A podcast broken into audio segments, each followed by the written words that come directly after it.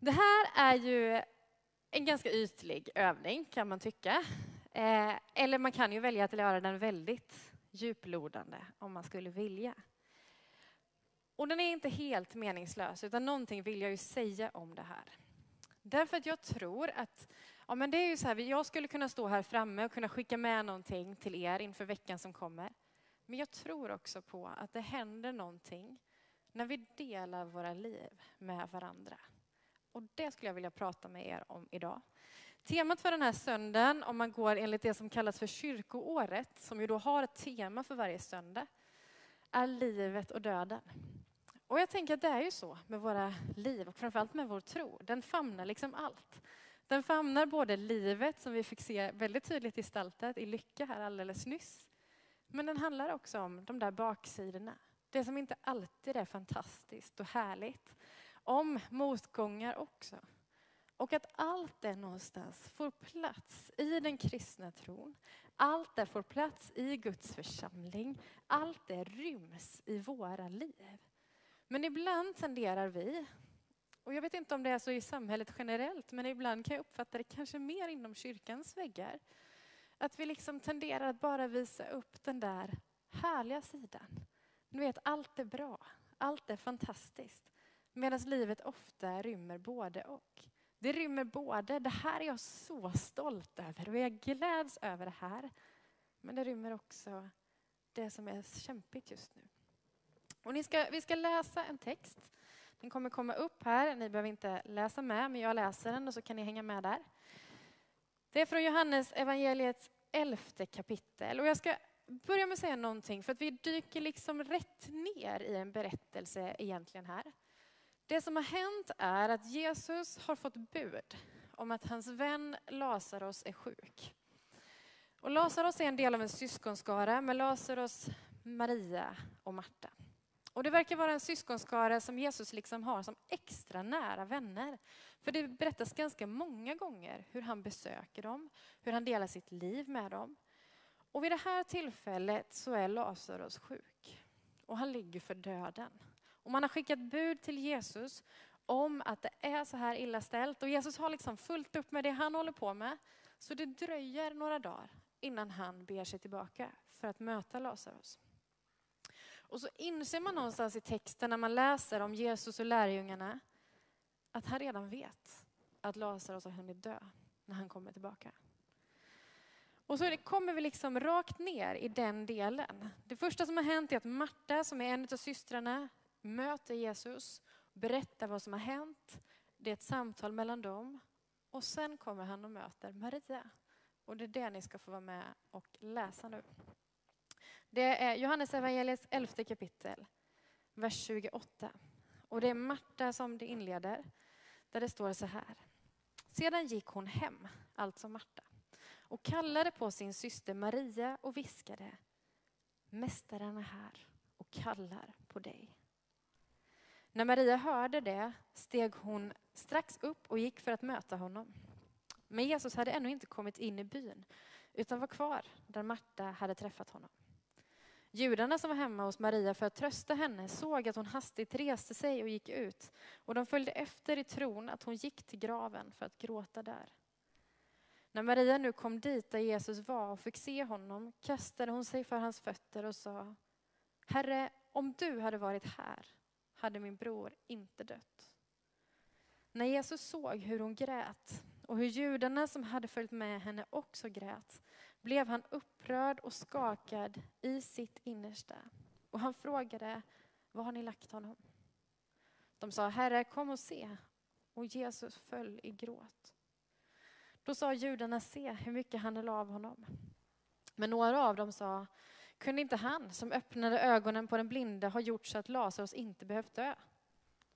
Jesus blev åter upprörd och gick till graven. Det var en klipphåla med en sten för öppningen och Jesus sa, ta bort stenen. Den döde syster Marta sa då, Herre, han luktar redan. Det har ju gått fyra dagar. Jesus sa till henne, har jag inte sagt dig att om du tror ska du få se Guds härlighet? De tog bort stenen och Jesus lyfte blicken mot himlen och sa, Fader, jag tackar dig för att du har hört mig. Själv visste jag att du alltid hör mig, men jag säger detta med tanke på alla de som står här för att de ska tro att du har sänt mig. Sen ropade han med hög röst, Lazarus, kom ut. Och den döde kom ut med armar och ben inlindade i bindlar och med ansiktet täckt av en duk. Och Jesus sa åt dem, gör honom fri och låt honom gå. Alltså det här är ju en så märklig text. Och den andas så mycket, alltså det går ju att säga så mycket. Vi skulle kunna ha flera predikningar bara utifrån den här texten. Men det som slår mig någonstans när man läser den är ju hur mycket känslor den innehåller. Och att den någonstans innehåller så mycket frustration och desperation. Jag tänker även det sista när Jesus säger liksom, jag vet redan att du hör mig, men nu säger jag det här för att de här ska förstå. Alltså det är som att även han blir liksom, det är så mycket känslor på gång i den här texten. Och den handlar någonstans om tre bitar. En del av det är ju förstås det här undret som sker. Att Jesus uppväcker en död man. Ja, och det ska vi komma in lite på. Men jag tänker att det finns två andra delar av den här som liksom drabbar mig någonstans när jag läser det här. Det första är ju det Maria gör. Maria när hon möter Jesus springer inte fram till Jesus och säger Gode Gud, gör honom frisk. Eller tack älskade Herre för att du är här. Utan det hon gör det är att hon springer fram och är skitarg på Jesus. Om du hade varit här hade han inte varit död. Så är det, det enda hon säger. Det är som att hon liksom kommer med all sin smärta, med all sin anklagan, med all sin ilska, all sin sorg inför Jesus. Och så faller hon ner där. Och jag älskar den sidan, att den finns med i Bibeln. Att det faktiskt inte är tillrättalagt, det är inte liksom i ordningställt, det är liksom inte att, Jesus, att Maria plötsligt tar sig i kragen och uppför sig ordentligt för att nu kommer Jesus in. Utan istället precis tvärtom. Hon kommer med allt som är hennes liv. Allt det som är hennes äkta, ärliga känsla. Och så skriker hon ut det på Jesus. Och jag tänker att undret och det som sker är ju också fantastiskt förstås. Och det står att det bland annat blir en avgörande vändning för många av de judarna som är där, att de börjar tro på Jesus. Men ibland tänker jag att undret i sig inte alltid är det största i den här berättelsen. Utan just det, att hon får komma precis som hon är inför Jesus. Och det är så många ställen egentligen i Bibeln där den här typen av böner, den här typen av liksom känslor får plats. Hela Psaltaren i Gamla Testamentet är full av den. Anklagan mot Gud, ilska mot Gud, irritation och sorg och förtvivlan. Och är det någonting jag skulle vilja skicka med från den här texten så är det det att inför Jesus så får alla känslor plats. Ibland tänker jag att vi förställer oss i att liksom, när jag ska be så måste det vara med de där fina orden. Eller jag måste liksom vara i rätt sinnesstämning. Men Maria som är en av Jesu närmsta vänner visar så ärligt att det inte alls behöver vara så det går till. Utan man kan få komma precis där man är och säga, jag förstår inte det här. Jag är så arg på det här. Eller till och med som hon gör, om du bara hade varit här då hade det här inte hänt. Det finns någonting i det när hon kommer med sin äkta och ärliga och sitt liv inför Jesus som får hela berättelsen att vända. Jesus kommer liksom till det här sorgehuset. Han är ledsen förstås för att Lazarus är död och han kommer dit med sina lärjungar och allt vad det är. Men det är liksom när han möter Maria i hennes förtvivlan och äkta känsla som det står att han faller ut i gråt. Det är som att när vi kommer inför Jesus precis så som vi är utan att behöva förställa oss. Och då tänker jag så här, de där känslorna kan ju också få vara de äkta glada känslorna förstås. Men i det här fallet så är det ju de där arga, bittra känslorna. Det är någonting som händer med Jesu hjärta när Maria kommer som hon är. När Maria vågar säga som det är och ändå vänder sig till honom med det. Det är inte som att Maria bara stänger dörren till Jesus heller, utan hon vet ju, det finns ju ingen annan att vända sig till. Även om jag känner så här, även om jag är superarg på honom just nu, så vänder jag mig ändå mot honom. Och när hon gör det, så brister Guds hjärta. Då är det som att Jesus liksom faller ner i gråt. Det står att han blir upprörd, att han skakas i sitt innersta. Liksom. Det är som att hela hans hjärta går sönder och brister där inför henne. Inte bara av sin sorg över Lazarus och över liksom dödens verklighet, utan också över hennes äkthet och ärlighet. Och det är ju den andra delen av den här texten. Att Jesus så tydligt, och jag älskar att den här berättelsen finns med, visar att han är en medlidande Gud. En medkännande Gud. En Gud som faktiskt kliver in i mänsklig gestalt, blir som en av oss i Jesus och i Jesus liksom förkroppsligar alla de känslor som vi bär och visar att någonstans, ja, jag vet att det här är bedrövligt.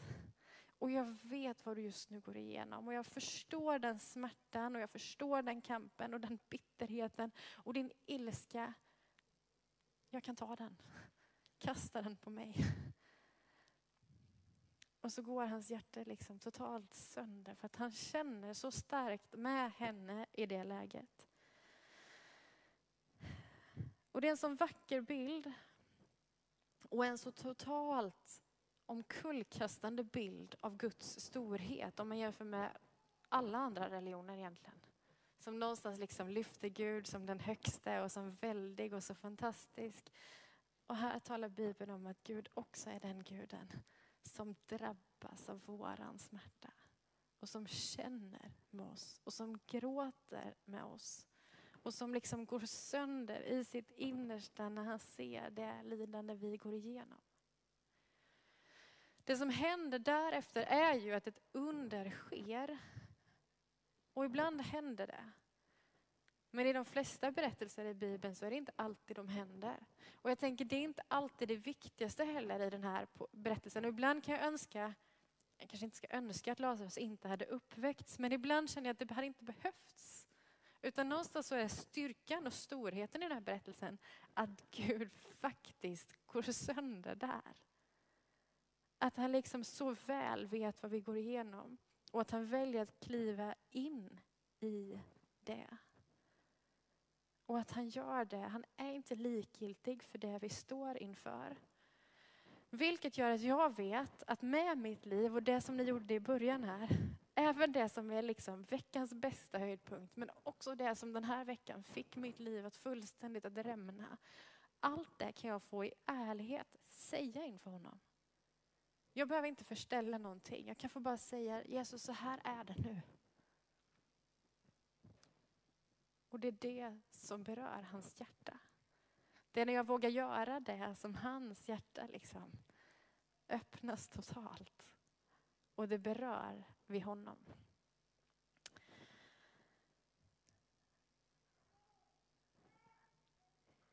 Det händer någonting när vi vågar dela livet så som det verkligen är. Det händer någonting med Jesus när vi gör det. Men det händer också någonting med vår gemenskap när vi gör det. När vi vågar dela livet med varandra så som det faktiskt är. När vi inte alltid bara vet, klär upp oss inför söndagen och känner det är underbart. Utan att ibland bara så här, så här är det. Det här är vad som har hänt. Det här är mitt liv just nu. Magnus Malm som är en eh, stor kristen författare, andlig vägledare, eh, ja, profil inom svensk frikyrklighet skulle jag nog säga. Han har sagt vid ett tillfälle att all sanning, hur oandlig den än kan tyckas vara, är en kontaktyta mot Gud. Och all lögn, hur andlig och välpolerad och fantastisk den än verkar, så skiljer den oss från Gud. Men att det är sanningen som någonstans liksom skapar en kontakt med Gud.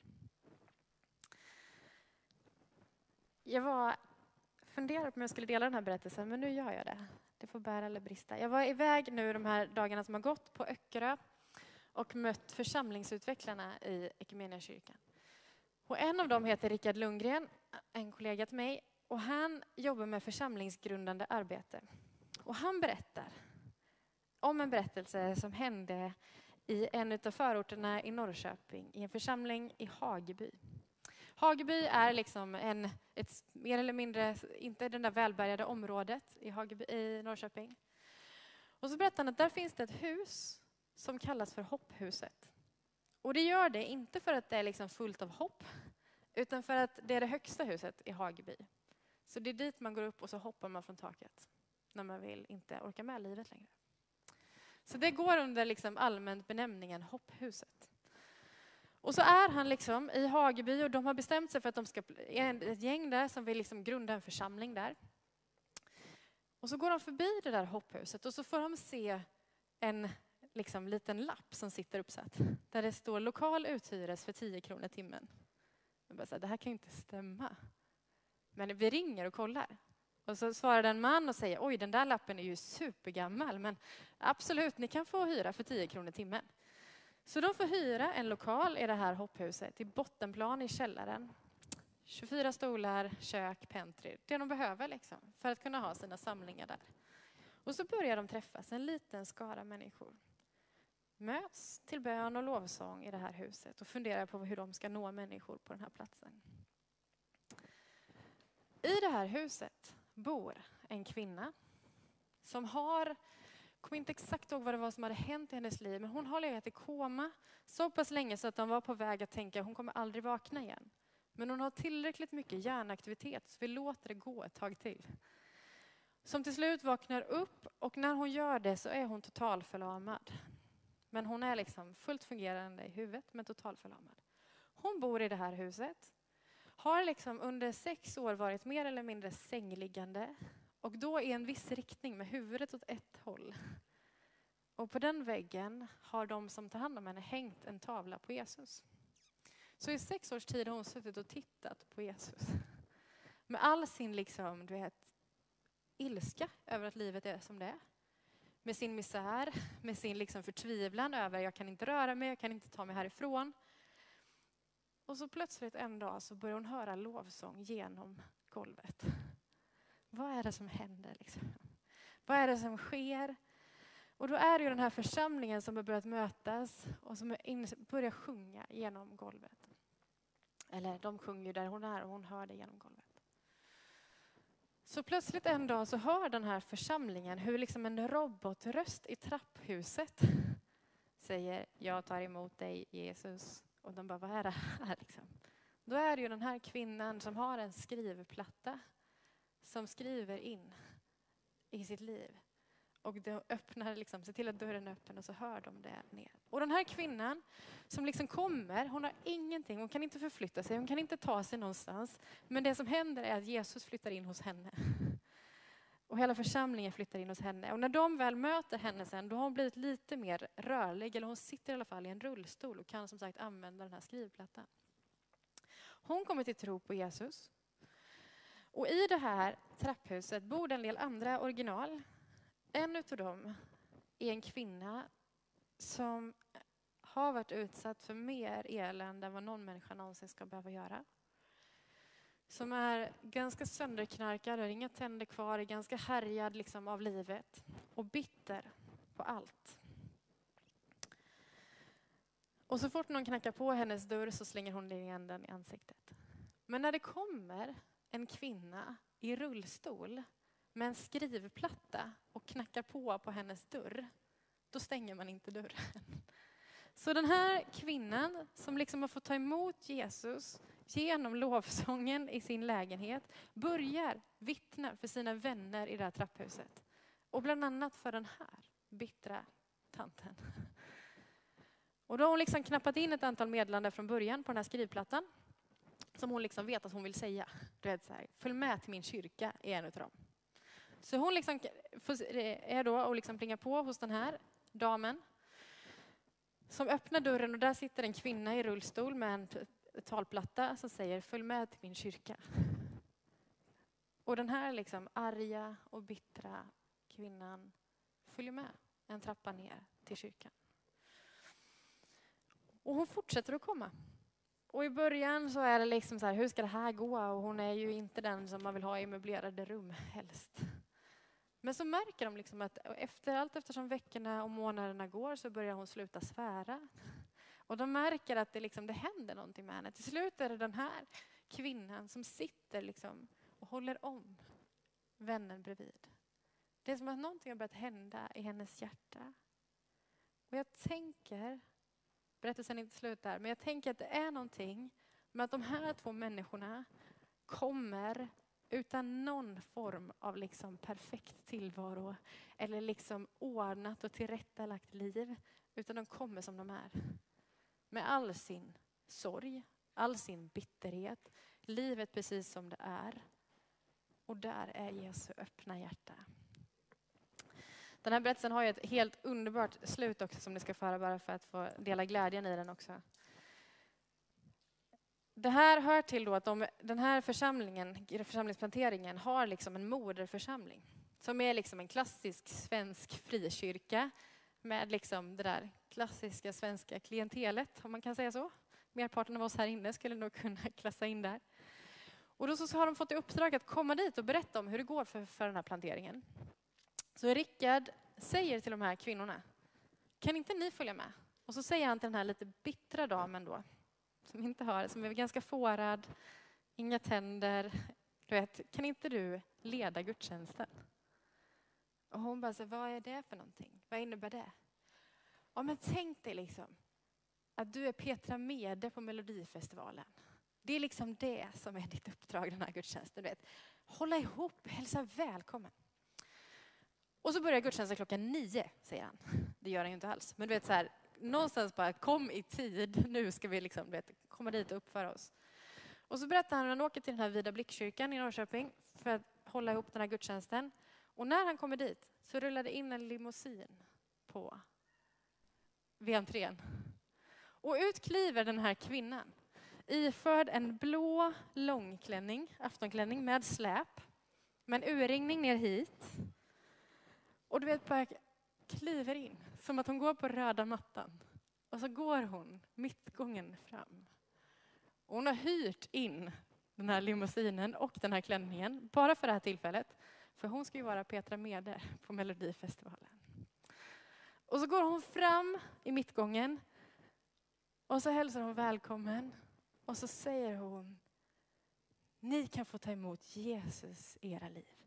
Det gjorde jag för en månad sedan. Och när hon säger det så är det som att det liksom går upp för henne. Ja, det gjorde jag faktiskt för en månad sedan. Och så liksom brister hon där. Och jag tänker att det finns någonting, och det här är en sån underbar berättelse så jag bara måste få dela den. Men det är ju också någonting i hela den berättelsen som handlar om det oförfalskade. Det är liksom den äkta svärtan men också den äkta glädjen över att jag får vara med. Jag får vara Guds barn. Jag får komma precis som jag är med all min smärta och all min sorg och hela min historia och allt det elände jag har varit med om, om man nu har varit med om det. Tänk att det är ingen av oss här inne antagligen som har samma livsöde som henne. Men vi har våra berättelser och vi får komma med det. Utan att behöva liksom tillrättalägga det. Och så är det som att Jesus, hans hjärta brister när vi gör det. Och så säger han, mitt älskade barn. Jag vet, jag förstår dig, jag är där med dig. Jag gråter med dig och jag jublar med dig. I berättelsen om Jesus, och nu ska jag gå ner för landning, men i berättelsen om, om liksom Lazarus och Marta och Maria så slutar ju den också i den här fantastiska berättelsen om uppståndelsen. Och den är värd en egen predikan, för det finns så många liksom delar i den som liksom så tydligt vill säga att Lazarus faktiskt var död. Det handlar inte om att vi kan liksom fejka den storyn. Och den har ju ett så underbart, liksom, nästan den här Petra Mede mittgången slut, när Lazarus liksom kommer ut med inlindade i sina lindlar och allt vad det är. Men det är ju för att någonstans också poängtera att han var död. Men Jesus hade förmågan att skapa liv där det inte fanns något liv. Så jag skulle inte vilja gå in så mycket på det, men jag tänker att det hör också till. Därför att poängen med det här är att det här är inte bara, det är inte bara en medlidande Gud vi ber till. Det är inte bara den guden som känner med oss, utan det är också den guden som kan vända de mest livlösa och hopplösa livsöden till något fantastiskt. Och det händer. Även om vi inte ser människor uppstå från de döda så händer det fortfarande idag. Berättelsen om kvinnorna i Hageby är en sån berättelse.